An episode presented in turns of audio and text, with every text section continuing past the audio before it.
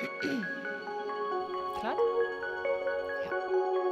Du hører på Viten og snakkes, en podkast fra Oslo Met. Velkommen til en ny episode av podkasten Viten og snakkes. I dag skal vi ta for oss en ny bacheloroppgave fra sykepleierutdanningen hos oss. Forrige episode så snakka vi med, om eh, tredelt turnus og viktigheten av å sove, og i dag skal vi snakke om eh, vaksineskeptiske folk. Andrea Larsen Hatteland og Anne Dorte Holter Pettersen, velkommen skal dere være. Tusen takk. Takk, takk. Dere har òg skrevet bacheloroppgave, Uh, og ja, nettopp ferdig. Gratulerer. Tusen Takk. takk. Deilig å være ferdig. Veldig. Mm. Jeg holdt på et helt semester. Halvt, Mm. Ja, halvt semester. Ja. Mm. Er det på en skala hvor slitsomt er det å jobbe med bacheloroppgave? Det var overraskende gøy. Det er noe av det morsomste vi har gjort, Ja. synes jeg. Ja. Um, Men det var jo en, tin- en intens periode. Ja, virkelig. Altså, selve skriveperioden varte jo i ti uker. Um, så Men jeg tror vi fikk mye igjen for eh, det gode samarbeidet vi hadde. Og em, strukturen vi la opp gjennom perioden. Vi hadde en ambisiøs, men gjennomførbar plan som gjorde perioden skikkelig gøy. Så vi koste oss egentlig veldig. Ja. Trivdes med temaet. Hadde en veileder som var like ivrig som oss, og da ble det veldig morsomt. Mm. Ja, hva, hva var det dere skrev om? Vi skrev om temaet vaksineskepsis. Mm. Hvorfor valgte dere det? Det er jo veldig tidsaktuelt. Eh, vi var i en periode der egentlig pressekonferanser har prega oppgaven også. Eh, vaksineskepsis var noe vi kom på i mai. Mm. Det var interessant. Ja, og så er jo det Altså, WHO har jo publisert det som en av de ti største helseutfordringene verden sto overfor i 2019. Så det er jo noe på generell base som er veldig aktuelt. Og så kom jo pandemien og gjorde det enda mer aktuelt. Og det gjorde det jo bare enda mer spennende å jobbe med. Når dere så på vaksiner nå, så du på vaksiner generelt, eller var det noen sånne spesifikke vaksiner dere undersøkte? Vi starta med covid-19-vaksinen, eh, og fant at det var lite forskning knytta til korona som var, vi kunne bruke, eh, og ikke noe her i Norge. Eh, og da fant vi ut at vi ville ha foresattes valg på vegne av deres barn, at de skulle være i stand til å ta en selvstendig, velinformert avgjørelse på vegne av deres barn. Og da har vi sett på barnevaksineprogrammet generelt. Så for å finne forskning som kunne være med på å svare på vår problemstilling, så eh, fant vi det mest hensiktsmessig da å bruke barnevaksinasjonsprogrammet generelt. Men underveis i perioden så eh, kom det jo nye pressekonferanser som gjorde at barn eh, i alderen 12 til 15 år skulle få tilbud om vaksine. Og eh, i alderen 5 til 11 så ble det jo vurdert, og det er jo ennå opp til diskusjon. Eh, og da ble det jo bare enda mer aktuelt. Eh, så det var derfor vi valgte å fokusere på barnevaksinasjonsprogrammet generelt, men det går jo an å trekke linjer da til koronavaksinen. Men den barnevaksinasjonsprogrammet som vi har, den har vi jo hatt ja, lenge, men en, en god stund. Det er noe vi alle er godt kjent med. Mm. Er, noe særlig, er folk skeptiske til den, da? Er ikke den eh, liksom alle med på den, eh, den delen? Jo, eh, det, i Norge så er det veldig høy vaksinasjonsdekning knyttet til barnevaksinasjonsprogrammet, men vi ser at eh, eh, årsakene til at folk er skeptiske til barnevaksinasjonsprogrammet, stemmer også overens med årsakene til at folk er skeptiske til koronavaksinen. Så vi ser litt likheter der. Dere nevnte det så vidt, det noe med eh, hva slags metodikk brukte dere i, eh, i oppgaven? Det var en eh, litteraturstudie, så vi gjorde to systematiske søk, pluss noen manuelle søk, der vi til slutt benytta seks ulike typer forskningsartikler i vår ja, litteraturstudie. Mm. Mm. Ja, få høre. Jeg er spent på hva, hva fant, dere, fant dere ut? Ja, altså det var jo en eh, ganske lang prosess. Eh, når vi så for oss søkeprosessen til en litteraturstudie, så så vi ikke for oss at den skulle være så lang og tidskrevende. Eh, I starten så virka det litt overveldende, men etter hvert så ble det egentlig bare veldig spennende. Det handler jo om å sette opp en problemstilling og strukturere den ved hjelp av f.eks. et PIKO-skjema. em, som er med på å organisere søket. Og så når man da endelig har gjort et søk, så er ikke det nok. Da må man gå gjennom artiklene og sortere og velge ut etter ulike kriterier. Um, så vi eh, endte opp til slutt med seks artikler, og så eh, systematiserte vi de hovedfunnene vi hadde i ulike kategorier som vi kunne bruke i oppgaven, da. Eh, og da endte vi opp med fire kategorier. Da fant vi, så vi først på vaksineskepsis fra foresattes perspektiv, for det er viktig for en sykepleier å ha kunnskaper om. Videre på betydningen av helsekompetanse som til de foresatte, og viktigheten av helseveiledning i beslutningsprosessen. Og så da til slutt sykepleiers rolle i beslutningsprosessen. Så det er jo lett å tenke når man skal skrive en sånn oppgave, at man vil ha fram det man har i hodet. Men eh, i en sånn bacheloroppgave som følger en eh, mal for akademisk skriving, så er det jo en del retningslinjer man må følge. Så eh, vårt budskap i opp oppgaven er jo ikke å gå ut til foresatte og si eh, du skal ta vaksinen, eller barnet ditt skal ta vaksinen, eller ikke. Det er mer det at vi skal finne ut hvordan sykepleiere da kan bidra til at eh, foresatte kan ta en selvstendig og velinformert avgjørelse. Så det var jo på en måte målet med oppgaven, da, at vi ville få fram sykepleiers rolle der. Jeg sier litt om det, fordi at eh, jeg tipper det er mange som tenker at sykepleiersrollen der er kun å sette dette stikket, og så er en uh, ferdig snakka, og så er det opp til jeg ikke, myndigheter og alle andre å, å argumentere på hvorfor en skal ta disse vaksinene. Sykepleiers rolle ble jo først oppdaga på en vaksinasjonspraksis. Ja, for eh, jeg var jo utplassert på en vaksinasjonsklinikk i praksis. Ja. Eh, det var jo eh, på nyåret, når pandemien eh, herja som verst. Eh, så da var jo jeg i praksis med på å møte de som skulle ta koronavaksine, og sette vaksinen. Og allerede, allerede da så så vi jo hvor viktig sykepleier var. Fordi de som kom og skulle ta vaksinen, selv om de allerede var der på vaksinasjonsdagen, så hadde de masse spørsmål, og de var interessert i å høre om sykepleiers tanker og holdninger da, knytta til vaksinasjon. Em, så da vekka jo det litt interesse, der vi så viktigheten da, og hvor mye sykepleiere kan eh, bidra i denne beslutningsprosessen. Så de spurte deg direkte med liksom, hva syns du, skal jeg ta denne her eller ikke? Uh, Det var litt mer sånn uh, hvilke bivirkninger kan jeg forvente, vil vaksinen føre til det ene eller det andre? Litt mer sånne ting, da, siden de har jo allerede valgt å ta vaksinen når de møter opp på vaksinekonso- eller vaksinasjonskontoret, da. Mm. Men det krever ganske mye av deg som sykepleier, da, du s- har ganske mye kompetanse på om den vaksinen du setter. Det var jo det vi identifiserte gjennom oppgaven, at sykepleiere må først og fremst ha kunnskap om hvorfor foresatte er skeptiske. Og det er jo òg nedfelt i lovverk og i yrkesetiske retningslinjer for sykepleiere, da. At eh, sykepleiere skal kunne eh, gi informasjon på en hensynsfull måte som er tilpassa den som skal motta informasjonen, da. Så det er jo noe av det viktigste i denne prosessen, egentlig. Og også passe på at den informasjonen er forstått. Mm. Og man skal òg informere om bivirkninger og på en måte det negative som kan komme, da. Og det var jo noen av de funnene vi gjorde òg, at eh, foresatte mente noen steder at eh, helsepersonell kun informerte om fordeler ved vaksinasjon. Og da så foresatte at de savna objektiv informasjon om vaksinasjon. Hvordan skal en formidle objektiv, altså, eller formidle informasjon objektivt, sånn at den som tar imot informasjonen, oppfatter det som objektivt? Funnene våre viste jo at viser man til pålitelige kilder, var veldig viktig. Eh, både gjennom brosjyrer, informasjonsskriv og på foreldremøter så kan man henvise alltid til pålitelige kilder.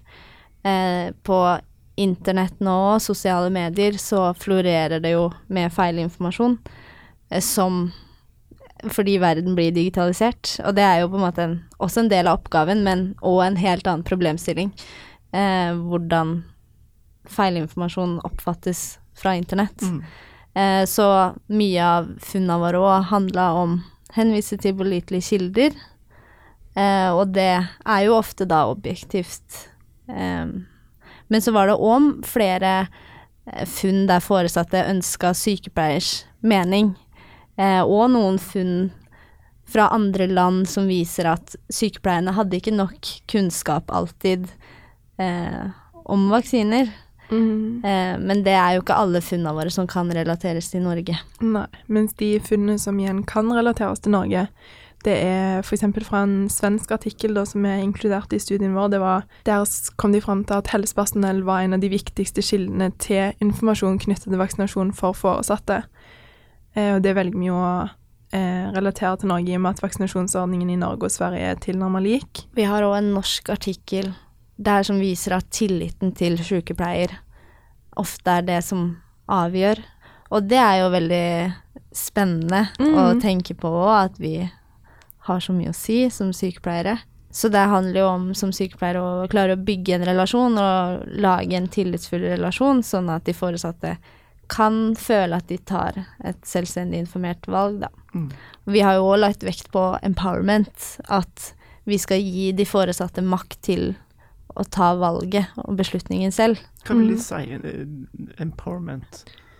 Altså, empowerment vil jo si at i hvert fall i vår eh, oppgave så har vi knytta empowerment til at foresatte skal kunne ta kontroll over beslutninger og handlinger som berører deres egen og eh, barna sin helse.